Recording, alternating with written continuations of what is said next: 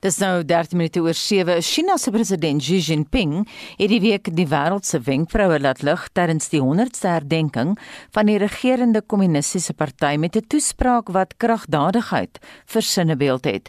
Voordat ons die toespraak ontleed met die hulp van Roland Henwood van die Universiteit van Pretoria, kom ons luister na 'n klankgreep uit die toespraak. 同时，中国人民 At the same time, the Chinese people will never allow any foreign forces to bully, oppress, or enslave us. Anyone who dares to try to do that will have their heads bashed blooded against the Great Wall of Steel, forged by over 1.4 billion Chinese people. Goeiemôre Roland. Goeiemôre Anita. Baie sterk boodskap, kan jy kommentaar lewer op die kragdadigheid daarvan? Ja, dit is 'n baie sterk boodskap en dit is ehm, 'n um, boodskap wat 'n mens vir 'n baie lang tyd nie geassosieer het met die leierskap van China nie. Ek dink wat 'n mens moet doen is om te gaan kyk na die konteks. Dis die 100-jarige viering van die kommunistiese party se bestaan en heerskappy wat natuurlik nou op 'n hoogtepunt in China is. En daar was twee temas wat wat die boodskap van van Xi Jinping basies oorgedra het. Die eerste was 'n baie sterk beklemtoning van die idee van nasionale herlewing en die tweede was die beklemtoning van weerstand teen buitelandse inmenging en hy het die woorde gebruik dat die die boelie van China deur die weste sal nie toegelaat word nie en toe die stelling gemaak van hoe opgetree sal word. So dis maar 'n posisionering en baie duidelik dat daar 'n boodskap is vir die binnelandse mark wat baie nasionalistiese ondertoon het en ons weet daar's 'n groot oplewing van 'n nasionalisme in China en dan 'n waarskuwing na buite dat China sal hom nie laat voorskryf en en onderdruk deur ander nie. Ehm um, so China neem 'n leierskaprol in China is op die wêreld toneel en sal sy rol daar speel sonder dat hy toegelaat dat hy gaan toelaat dat ander dit gaan beperk of gaan inmeng met hom. Globaal, China blyk baie duidelik in 'n hoek gedryf te voel met min vriende in die buiteland en ek praat nou wêreldwyd. Kan jy vir ons 'n bietjie 'n prentjie skets? Dit het alles begin met die Australiërs vroeër vanjaar. Ja, dit is baie interessant dat dat China dit het op 'n stadium gelyk asof niks in China se pad staan nie en dat dit werklik 'n dominante rolspeler word en en begin baie meer suksesvol optree as enige ander moondhede.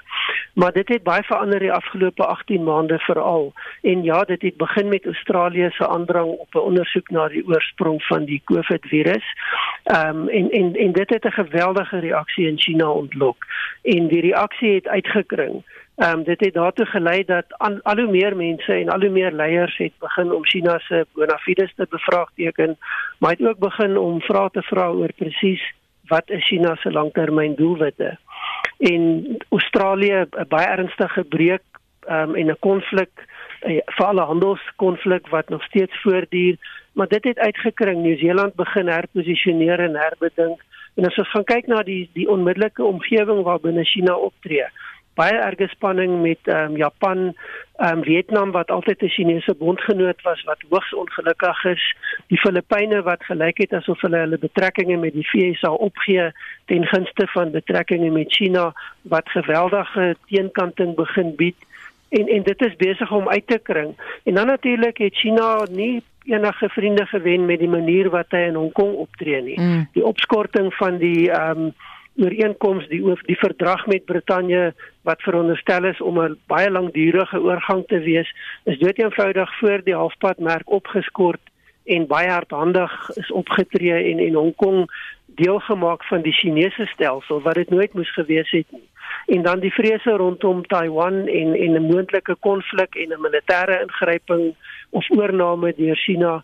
En en dit het begin om Europa ook te laat um, herbesin Europa het sy handelsonderhandelinge vir 'n voorkeur handelsooreenkoms met China op die ys geplaas en en dan natuurlik die veranderinge in die VSA met president Biden wat om al hoe meer wend na die ou rol van 'n geïntegreerde wêreld en 'n baie belangrike betrokkeheid van die VSA wat dit moontlik maak vir meer moonthede om te sê maar ons wil nie die Chinese model of die Chinese manier van doen noodwendig volg nie. Kom ons kyk na ons eie kontinent Roland Afrikane sit weer met Chinese skuldstukke wat hulle uiters bekommerd het. Ja, daar's 'n groot debat ehm um, in Afrika aan die gang en en en, en daar's twee interpretasies. Die die een was dat China was bereid om ontwikkelingshulp te gee op 'n skaal wat niemand anders wou doen nie. Ehm um, China was bereid om hulp te gee sonder om voorwaardes te stel. Maar nou begin na 'n dekade van baie goeie samewerking en en en baie geld wat gekom het, begin die realiteite inskop van ehm um, byvoorbeeld China wat sy skuld wil verhaal en waar regerings nie kan betaal nie, dan neem hy infrastruktuur oor, soos 'n hawe. En en dit word dan 'n Chinese besitting in ruil vir die ehm um, skuld wat aangegaan is. In Kenia is dit 'n baie groot kwessie. Die Chinese ehm um, skuld aan China vir die ehm um, transport um, stelsel wat ontwikkel is en die vervoerstelsel wat ontwikkel is. En nou moet hulle begin betaal en skielik is dit baie duurder as wat almal gedink het dit is. En dan natuurlik die insidente van rasisme in China teen mense uit Afrika wat alhoewel dit polities en diplomaties baie vinnig doodgedruk is, weet ons dit nog steeds daar is en dit het baie groot ontevredenheid in Afrika geskep. En dan net terug na daardie klankgreep wat so skokkend is, bashing their heads against a steel wall. Hoe volhoubaar is so 'n kragdadige styl op die lang termyn? Ek dink die antwoord daarop lê op die binnelandse politiek in China. En een ding wat baie duidelik is as ons gaan kyk na die afgelope paar dae en en die viering van die kommunistiese party, dan is dit baie duidelik dat hierdie viering is eintlik sentraal of die persoon en die idee wat sentraal binne dit staan is Xi Jinping. Dit gaan oor sy leierskap, dit gaan oor sy visie en dit gaan oor sy interpretasie van wat China doen en gaan doen in die toekoms. En dit maak dit natuurlik 'n baie maklike sterk boodskap om oor te dra, maar op die langtermyn laat dit ook vrae ontstaan want daar word geen aanduiding gegee nie en dis een van die leemtes wat vorentoe gaan uitwys van opvolging en die nuwe leierskap nie. Trouwens daar is geen aanduiding van nuwe leiers nie want dit word onderdruk.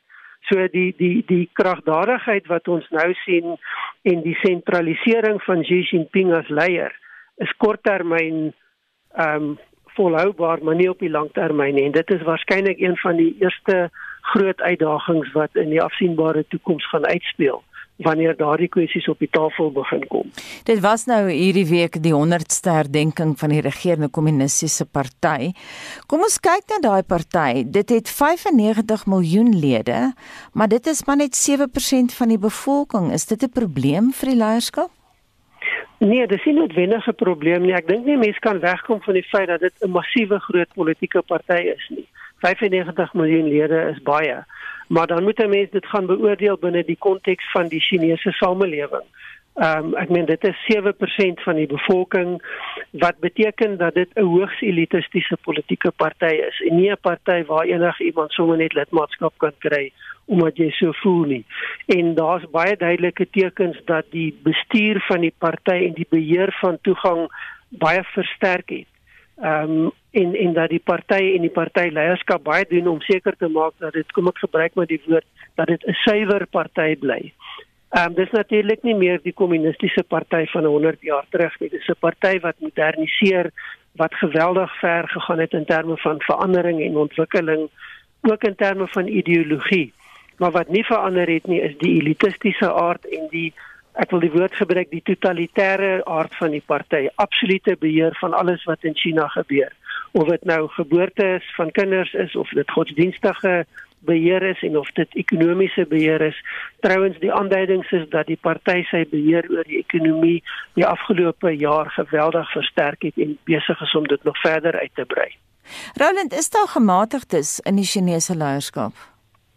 Daar is gematigdes, maar die gematigdes is 'n bietjie onder druk, um, maar daar is tog aanduidings dat gematigdes onrustig raak Ehm um, dis byvoorbeeld baie duidelik dat as ons gaan kyk na die buitelandse beleidsomgewing van China dat daar al hoe meer stemme opgaan wat sê hierdie aggressiewe en arrogante benadering wat aan ons toegeskryf word skadelik vir China op die langtermyn. Ons moet wegbeweeg daarvan.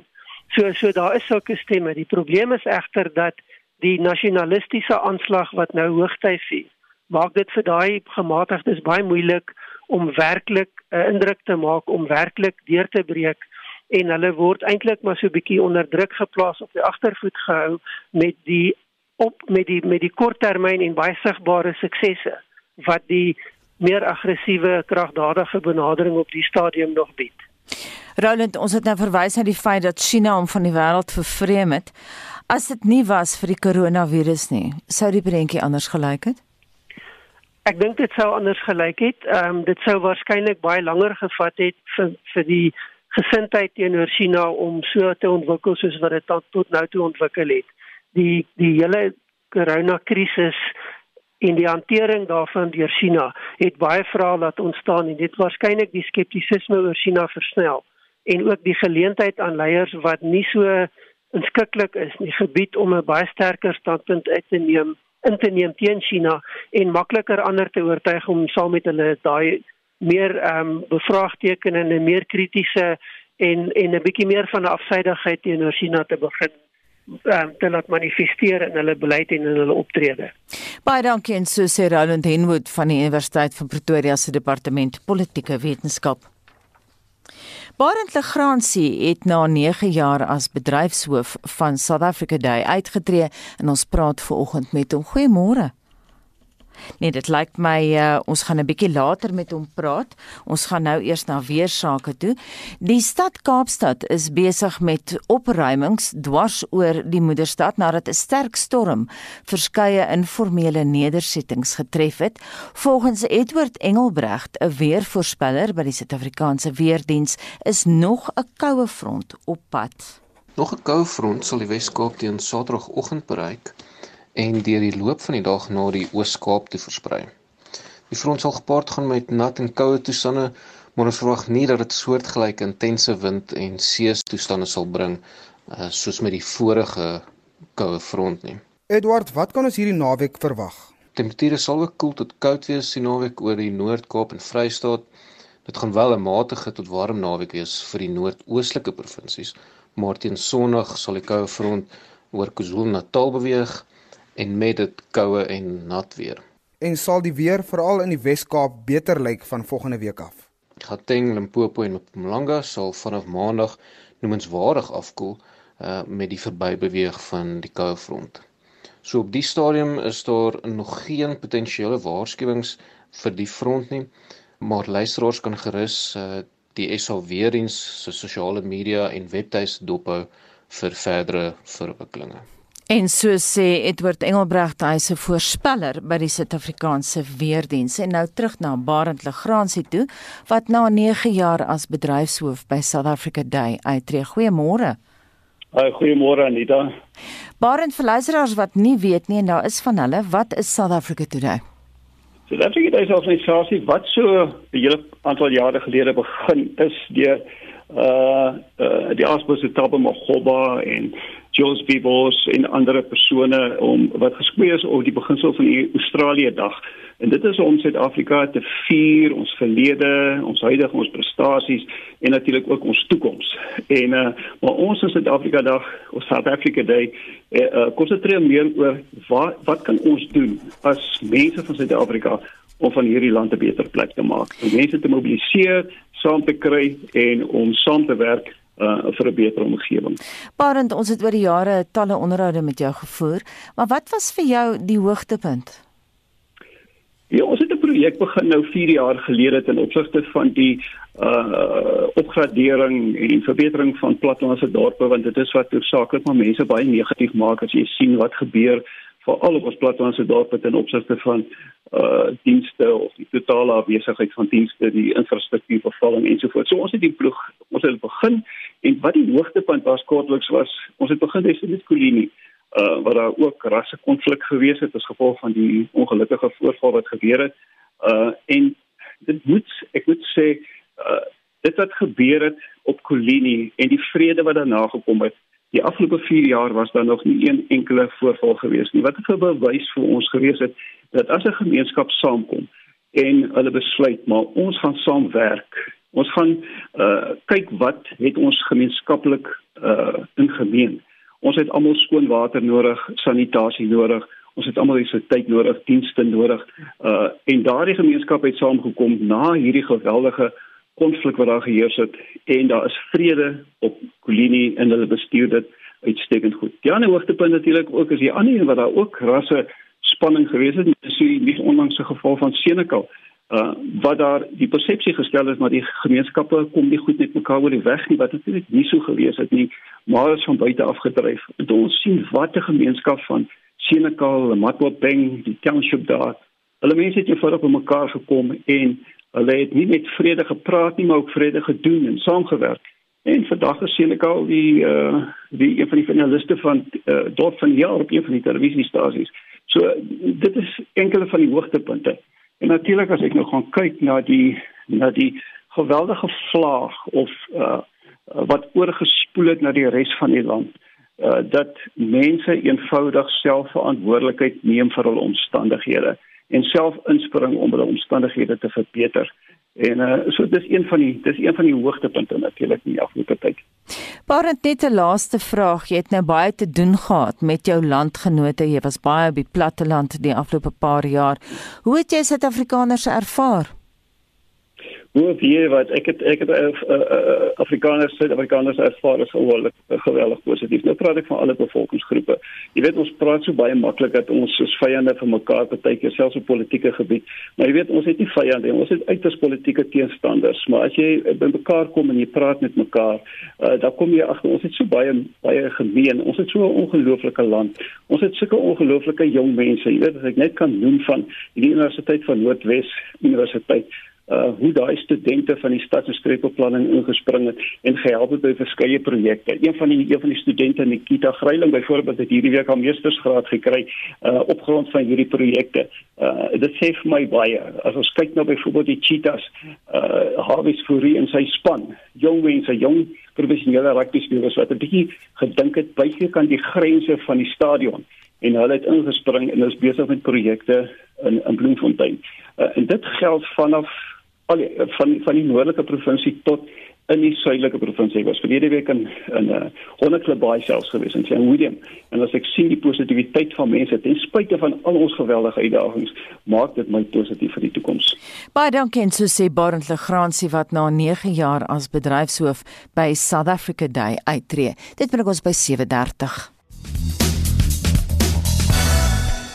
Intussen kyk jy ook na ons terugvoer vir monitor.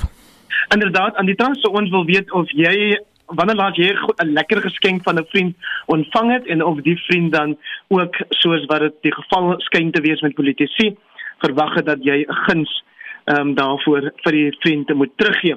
As jy daai Willem Koran skryf, my vriende is almal broke. Soms wonder ek ooit of hulle weet wat 'n geskenk is. Deesdae is dit maar elkeen vir homself, geen gunsies of geskenke but life goes on. Frederik Bouwer deel op Facebook 'n stukkie rou familiegeskiedenis.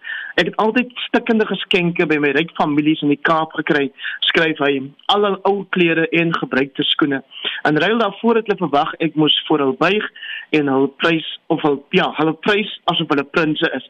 Ongelukkig as ek nie skyn heilig soos wat ANC mense is wat presente ontvang uit korrupsie of weens korrupsie nie. Soms kan 'n geskenk jou as 'n mens nie koop nie. Geen persoon besit my om my te bribe nie. Sis kry sulke mense nie skaam nie skryf Frederik of as hulle nie man genoeg om hulle eie vuil werk te doen nie. En soms skaam Frederik om ook vir ryk mense wat arme mense verneder.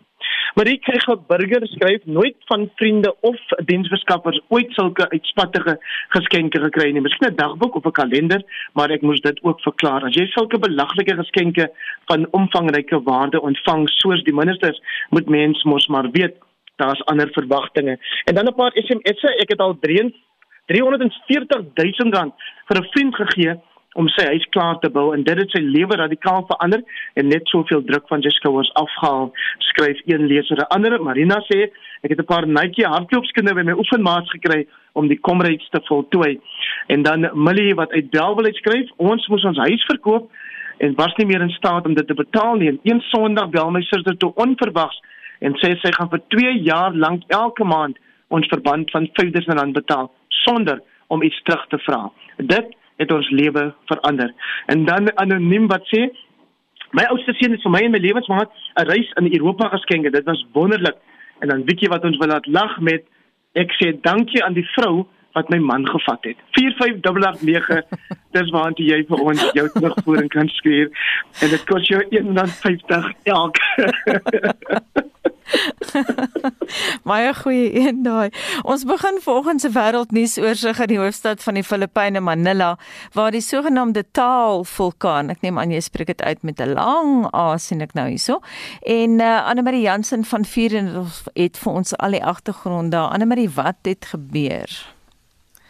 Anita die vulkaan wat binne 'n skilderagtige meer sit, het al 'n paar dae lank gekook en swaaldioksied die lug ingestuur wat 'n digte waas oor die hoofstad en verskeie omliggende provinsies veroorsaak het.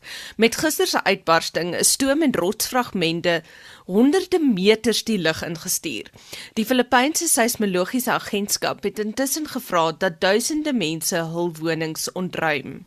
En dan van die een natuurramp na ander in die weste van Kanada het 'n veldbrand die dorp Lytton in British Columbia vernietig. Ja, die veldbrand het ontstaan na 3 dae van hitte waarvan die temperatuur in die omgewing van 50 grade Celsius aangeteken is. Meer as 1000 mense moes hulle woning sedert Woensdag ontruim. Intussen is nog 62 veldbrande in British Columbia aangemeld. En ons bly op die Noord-Amerikaanse vasteland. President Joe Biden het die deelstaat Florida besoek waar reddingswerkers steeds na die oorskot van vermiste mense soek nadat 'n gebou naby Miami Beach gedeeltelik ineengestort het. Biden het families getroos en reddingswerkers moed ingepraat. Hy het ook federale steun aan die streek beloof. Die soektog is eintlik Woensdag afgelas, maar na die president se besoek het hulle dit tydelik weer hervat. 18 sterftes is reeds bevestig, maar sowat 140 mense is steeds soek. Een van hulle is Magali Delgado. Hier vertel haar dogter, Maggie Ramsey, joernaliste van haar ma. She came from Cuba in 61, was really living her best life right now. She loved being at the beach and she loved her two grandchildren. She loves her two grandchildren. I'm an only child. She lived in the east side and that's where the pool deck collapsed. So they haven't necessarily been able to get in there as well as they've been able to get into the other side just simply because they can't. Not because they don't want to. They're doing everything they can. So they packed in, I don't know how many tons of sand or whatever to get in there now. And so I'm hoping to hear that they were able to get in that area and to kind of start assess some of that area as well because that's where she would be. die dogter van een van die slagoffers van die 18-vloer gebou in Miami wat verlede week donderdag gedeeltelik ineengestort het. En ons eindig met koninklike nuus in Londen het prinses Diana se twee seuns William en Harry 'n standbeeld van hulle ma by die Kensington Paleis onthul. Ten spyte van kritiek uit die oord van kunskenners, is Diana liefhebbers gaande oor die standbeeld wat haar saam met drie onbekende kinders uitbeeld. Die beeldhouer, Ian Rank Broadley, sê sy inspirasie het van prinses Diana se seuns afgekom. Uppermost in my mind was in fact to actually do something for the princes. I mean, you know, the princess was a very public figure, she was somebody's mother. So I paid the greatest heed to both princes and what they had to say.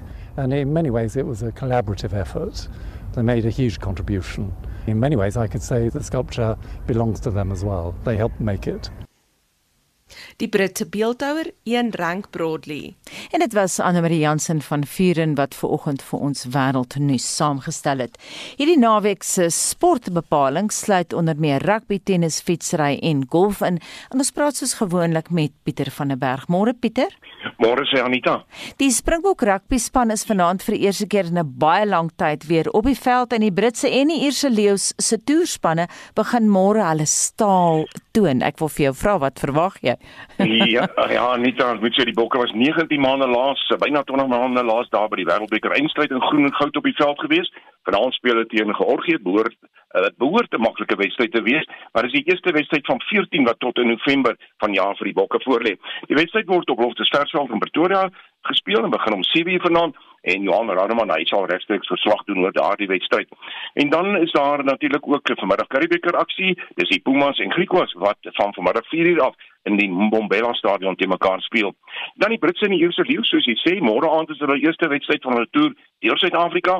Dit word in Johannesburg gespeel teen Suid-Afrikaanse Lions en uh, Johan Tormalen, hy sal môre aand gereeld verslag doen oor daardie wedstryd. En daar's ook vier ander wedstryde, internasionale wedstryde wat insluit Wallis teen in teen Kanada en daardie wedstryd is môre om 4uur. Kortliks die nuutste Wimbledon nuus. Ja, Suid-Afrika se Lloyd Harris, hy's ook in die tweede ronde uitgeskakel, net soos Kevin Anderson vroeër die week. Ek sien dat Roger Federer het vir Richard Gasquet geklop en dan Andy Murray en Alexander Zverev. Hulle is ook deur na die ronde van 32. In die vroue enkelspel het Victoria Azarenka pak gekry in drie stelle, Sorana Kristia het haar geklop en dan die eerste gekeerde Ashley Barty Jelena Stopenko en Angelika Kerber sê hulle is almal deur na die ronde van 32. Wat gebeur op die wêreld se golfbane?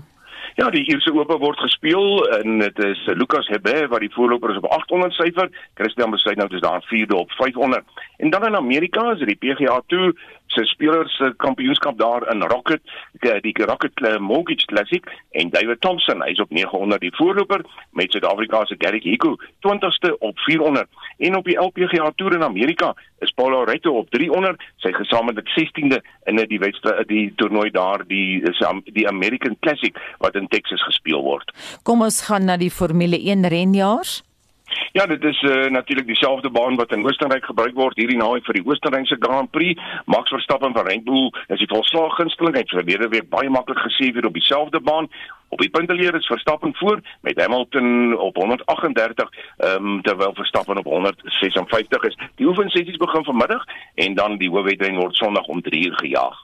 Kom ons kyk na cricketnuus. Is die Proteas teen die Wes-Indiese eilande of hoe?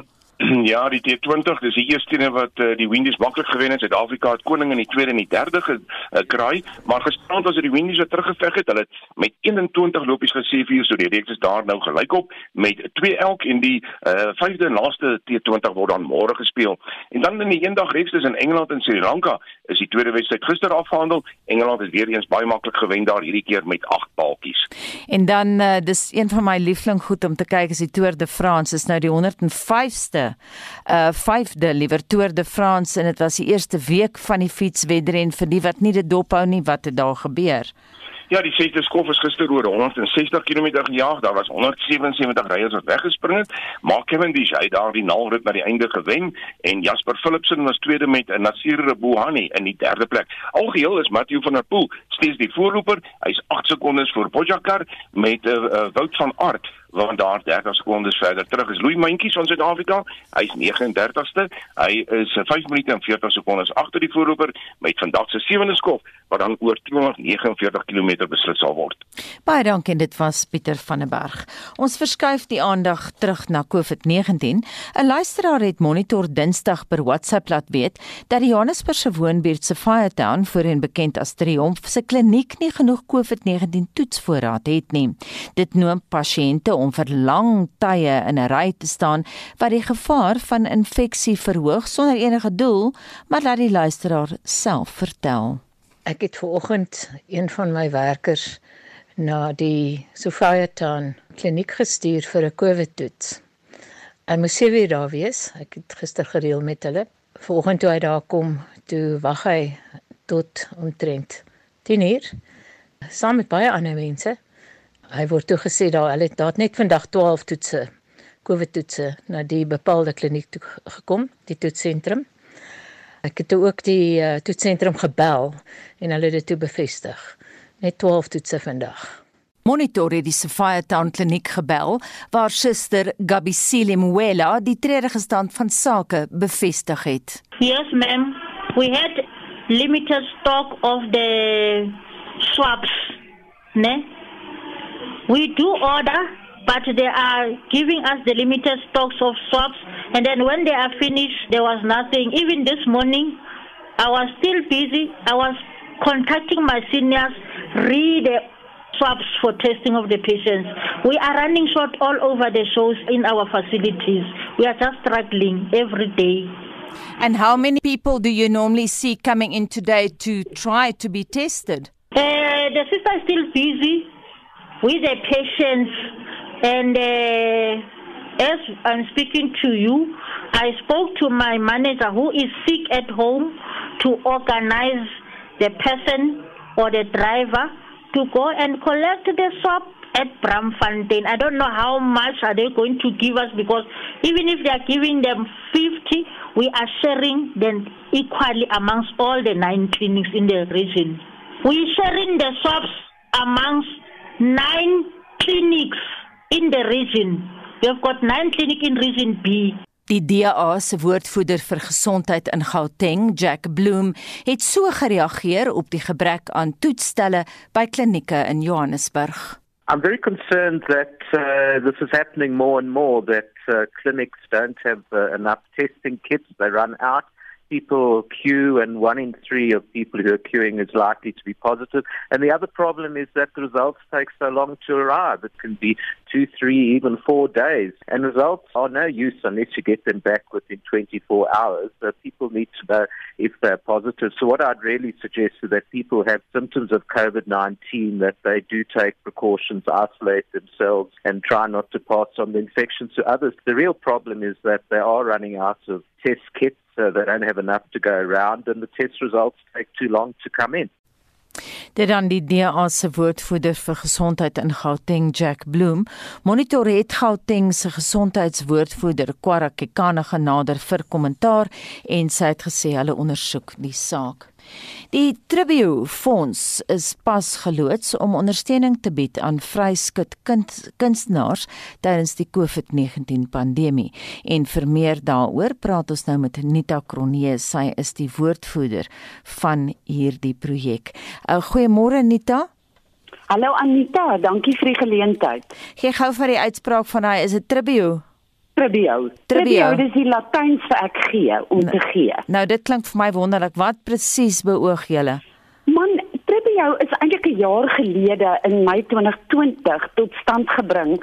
Jy weet, deur 'n paar belanghebbendes in die uitvoerende kunste as 'n noodhulpfonds vir vryskut mense in die uitvoerende kunste. Dis nou mense wat op die verhoog agter vir die hoog die hele bedryf ondersteun as 'n noodhulpfonds. Maar sedertdien het dinge so verander. Jy weet die eerste vlaag het gekom en gegaan, toe is daar 'n tweede vlaag en hierdie derde vlaag is regtig regtig nou jy weet die nood is steeds groter. Ons het gedink teen hierdie tyd gaan ons al die fonds jy weet in iets anders laat ontwikkel, meer ondersteuning as 'n noodfonds, maar maar die situasie is regtig regtig jy weet op 'n mespunt vir die uitvoerende kunste. Kan jy 'n bietjie uitbrei daarop? Ons het al in die verlede dikwels met Lis Meyding gepraat. Sy lewer altyd 'n pleidooi nie net vir die kunstenaar self nie, maar vir die tegniese personeel wat ook so sukkel. Kan jy vir ons 'n prentjie skets net da? Ek kan vir julle 'n prentjie skets van die ding is Jy weet hierdie is mense wat nie 'n vaste inkomste het nie. Vryskut mense is afhanklik van kunstefeeste, van van vermaaksentrums, van teaters om oop te wees sodat hulle hulle kuns kan beoefen. Hulle moet 'n platform hê om te doen wat hulle doen. Dit sluit in daai mense wat jy op die verhoog sien, maar daar is 'n hele lot mense in die agtergrond, verhoogbestuurders, klank, tegnies, koreograwe, um, kostuums. Dit is 'n baie daar's dikwels meer mense agter die verhoog as op die verhoog. En omdat mense nie kan optree nie, jy weet teaters trek ook nou strop want hulle kan nie met die beperkte getalle, jy weet die somme werk nie. As jy jou mense moet betaal op die verhoog en jy moet jou tegniese mense betaal en die fasiliteit, dan werk dit nie om so min mense in 'n teater te hê nie. So die teater sukkel ook. Die kunstefeeste soos almal weet is gekanselleer op 'n streep. Ons het gedink dit sal verlede jaar ehm um, gekanselleer wees en hierdie jaar gaan ons aan. Ons bevind ons in presies dieselfde situasie. En dit maak die jy weet die rol wat wat Tribio speel eintlik net soveel te meer belangrik vir die tyd waarin ons osself bevind. Nita net laasens as dan nou RSG luisteraars is wat ver oggend na monitor luister en graag wil help, waar sou hulle julle kon kontak? Sjoe Anita, dit sal ongelooflik wees. Jy weet, ek het ek het gisterand gedink as elke ou wat vanoggend monitor luister, net R10 gee of R100 gee, dan is ons koppe deur want dan kan ons 'n derde ronde uitbetalings doen, jy weet. Ehm um, so besoek ons webtuiste www.tribio.co.za. Ehm um, jy kan e-pos by info@tribio.co.za. Ons vra vir korporatiewe Suid-Afrika, al daai liefhebbers van die kunste wat nie by 'n fees kon uitkom nie, om daai kaartjie wat jy sou gekoop het, of daai drie kaartjies, sit dit in die fonds sodat ons mense kan help. Baie dankie en so sê 'n woordvoerder van die Tribio Fonds Nita Kronje. 'n Vrou wat vir maande lank onskuldig in die tronk gesit het, se ware verhaal word deur Leon van Nierop in sy weeklikse fliekrubriek ondersoek en dit is Murder by the Coast. Dit klink vreeslik interessant. Goeiemôre Leon. Goeiemôre Anita, kan ek net sê hoe mis ek daai vriendelike glimlag en daai vriendelike waai van jou as ek al slaperig in die huis staan. ek mis ek mis jou net so maar ten minste praat ons nog telefonies. Kom ons kyk Leon na Murder by the Coast. Dit is nou gebaseer op 'n ware moordverhaal. Verskriklik Anita. Die dokumentêr Murder by the Coast vra die tergende vraag: Hoeveel mense sit onskuldig in die tronk vir 'n moord wat hulle nie gepleeg het? Hierdie ware verhaal gaan oor 'n jong meisie wat vermoor word. Haar ma se vervreemde lesbier minnaar word van die moord verdink, maar daar's geen bewyse nie. Tog word sy in hegtenis geneem. Hoekom? Murder by the Coast skok jou met hoe dikwels die polisie mense arresteer bloot om 'n sak af te handel en te spog dat hulle die moord opgelos het. Dis wat in 'n Spaanse dorp gebeur in die dokkie. En die vraag ontstaan, was dit 'n homofobiese arrestasie? Dis eers wanneer 'n tweede moord op soortgelyke wyse deur iemand anders gepleeg word, dat die waarheid uitkom.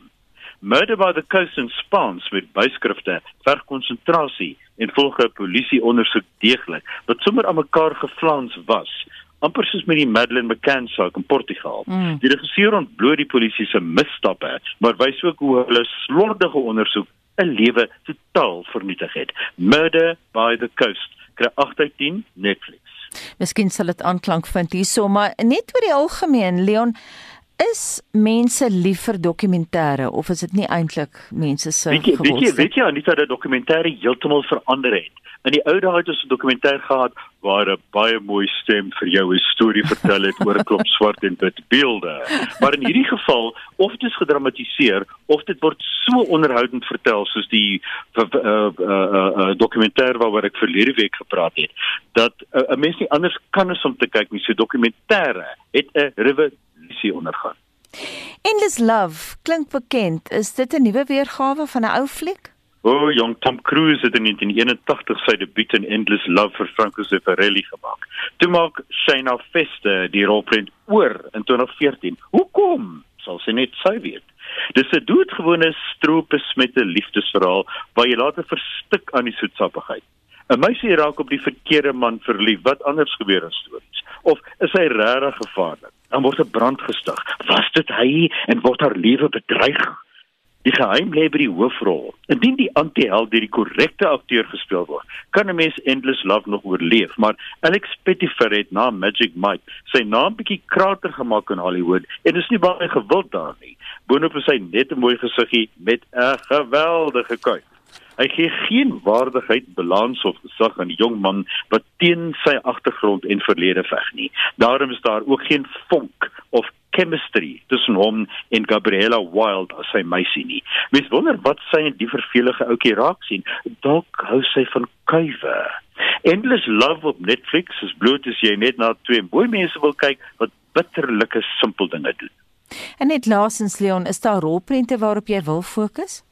Ehm um, nadat Suid-Afrika in vlak 4 geskuif is, is alle rolprentteaters vir 2 weke lank gesluit. Dis is daar geen nuwe flieks wat uitgereik word nie. Seans wat ek sou resenseer staan dis tot later oor en Black Widow begin nou in Augustus met Fast and Furious 9 wat dan ook sal voortgaan en wat terloops plaaslike loket rekords gebreek het. Lees die resensies op by reskeep.co.za en klik op fliek rubriek onderaan die bladsy. En dit was Leon van Nierop en ek is seker daai Murder by the Coast sal vir ons besig hou vir 'n ruk. 'n kwart bottel vodka het onlangs verhoed dat 'n gemmerkat wat vriesweermiddel gedrink het, al 9 van sy lewens verloor.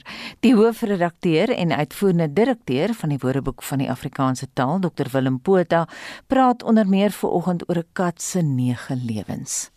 Die Sibbes Jabu en Rytumetse Mapisa het onlangs baie bekommerd met hulle gemmerkat by die dierekliniek in Foriesburg aangemeld. Die kat genaamd Babi was baie swak en kon skaars staan. Dit is toe vasgestel dat hy vriesweermiddel ingekry het en daar's ook vasgestel dat die beste teenmiddel etanol is. Harde hout soos vodka bevat tot 50% etanol en kon moontlik die kat se lewe red. Een veearts sê toe vir die goedkoopste maar suiwerste vodka gaan vra by 'n drankwinkel. Sy kom toe terug met 'n bottel Romanov vir Babie. Die vodka is met 4 dele soutoplossing verdun vir die binneaardse toediening, maar Babie het steeds katswink dronk geword. Na 2 dae was die kat se eetlus terug. Na nog 'n paar dae is Babie toe as katjie van die baan met al 9 se lewens nog voor hom huis toe. Tot verligting van ons hondevriende, katte het nie 9 lewens nie. Maar waar kom die mite vandaan? Katte het wel 'n uitsonderlike oorlewingsvermoë en dit het mense waarskynlik laat glo dat hulle meer as een lewe het. Ware verhale van katte wat na jare weer met hulle gesinne verenig is, is legio. Die geheim van katte se oorlewingsvermoë lê onder andere in hulle besonder goeie balans, die vermoë om altyd weer op hulle voete te land, die vermoë om so hoog so 6 keer hul lengte te kan spring, hulle oorskulpe wat 180 grade kan draai en 'n ongekende soepelheid en ratsheid wat hulle besonder waghalsig maak en onverwagte fisieke prestasies laat behaal. Die mite van 9 lewens is versterk deur die aanbidding van 'n Egiptiese katgodin, die magiese getal 9 in die Griekse mitologie en Shakespeare wat in 1597 in Romeo and Juliet verwys het na die nege lewens van 'n kat. Met die huidige drankverbod het katte egter nie 'n kat se kans op 'n vodka regmaker soos wat Barbie gekry het nie. nou praat jy. Ons is daarom baie bly dat daai gemmerkat nie dood is nie. Dit was Willem Botha wat aan die woord was daar. Hy is hoofredakteur en uitvoerende direkteur van die Woordeboek van die Afrikaanse taal. Onthou as jy 'n woord wil koop of borg, besoek www.wat.co.za of Google eenvoudig borg 'n woord. Nou ja, Hendrik dra verskillende hoede vir oggens. Jy kyk ook na ons SMS uh, terugvoer. Ek moet sê ons het lekker gelag nou, nou vir daai vrou wat die ander vrou wat wil bedank wat haar man weggevat het. ons ons het inderdaad en net ek nog gedog jy gaan sê na aandering van dokter Willem Botha se inset dat katte natuurlik van die bes, mense beste vriende ooit is. Al kan hulle jou nou nie noodwendig uh, materiële geskenke gee nie. En Kilian sê ek het beslis nie die regte vriende nie, maar ek hou nie regtig daarvan om geskenke te kry nie. Ek hou eerder daarvan om dit te gee. Rende Young sê my vriende het al hul liefde en realiteit gegee en gee dit steeds wat baie meer werd is as wat geld kan koop. En dan Martie Brits wat sê mense wat ek ken het 'n huis skoon gemaak en drie skilderye weggegooi. Hulle het vir my gesê ek kan dit vat as ek wil, anders los hulle dit langs die asblik. Toe ek tuis kom sien ek dis waterverf skilderye van Erik Meyer hmm. en dis baie werd.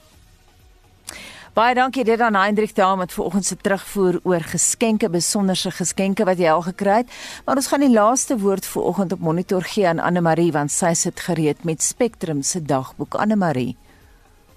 Anita, die waarnemende minister van gesondheid, Mameloko Kubai en 'n paneel van kundiges hou 'n media-inligtingssessie oor COVID-19 en die enstofkwessie. Ons praat met ontleeders oor die honderde ondersteuners van oud-president Jacob Zuma wat by sy huis op Nkandla bymekaar kom en die wynorganisasie Windbrou se dringende tussentydse aansoek om die verbod op die verkoop van alkohol op te hef word vandag in die Hooggeregshof in Kaapstad aangehoor. En daarmee groet die monitorspan.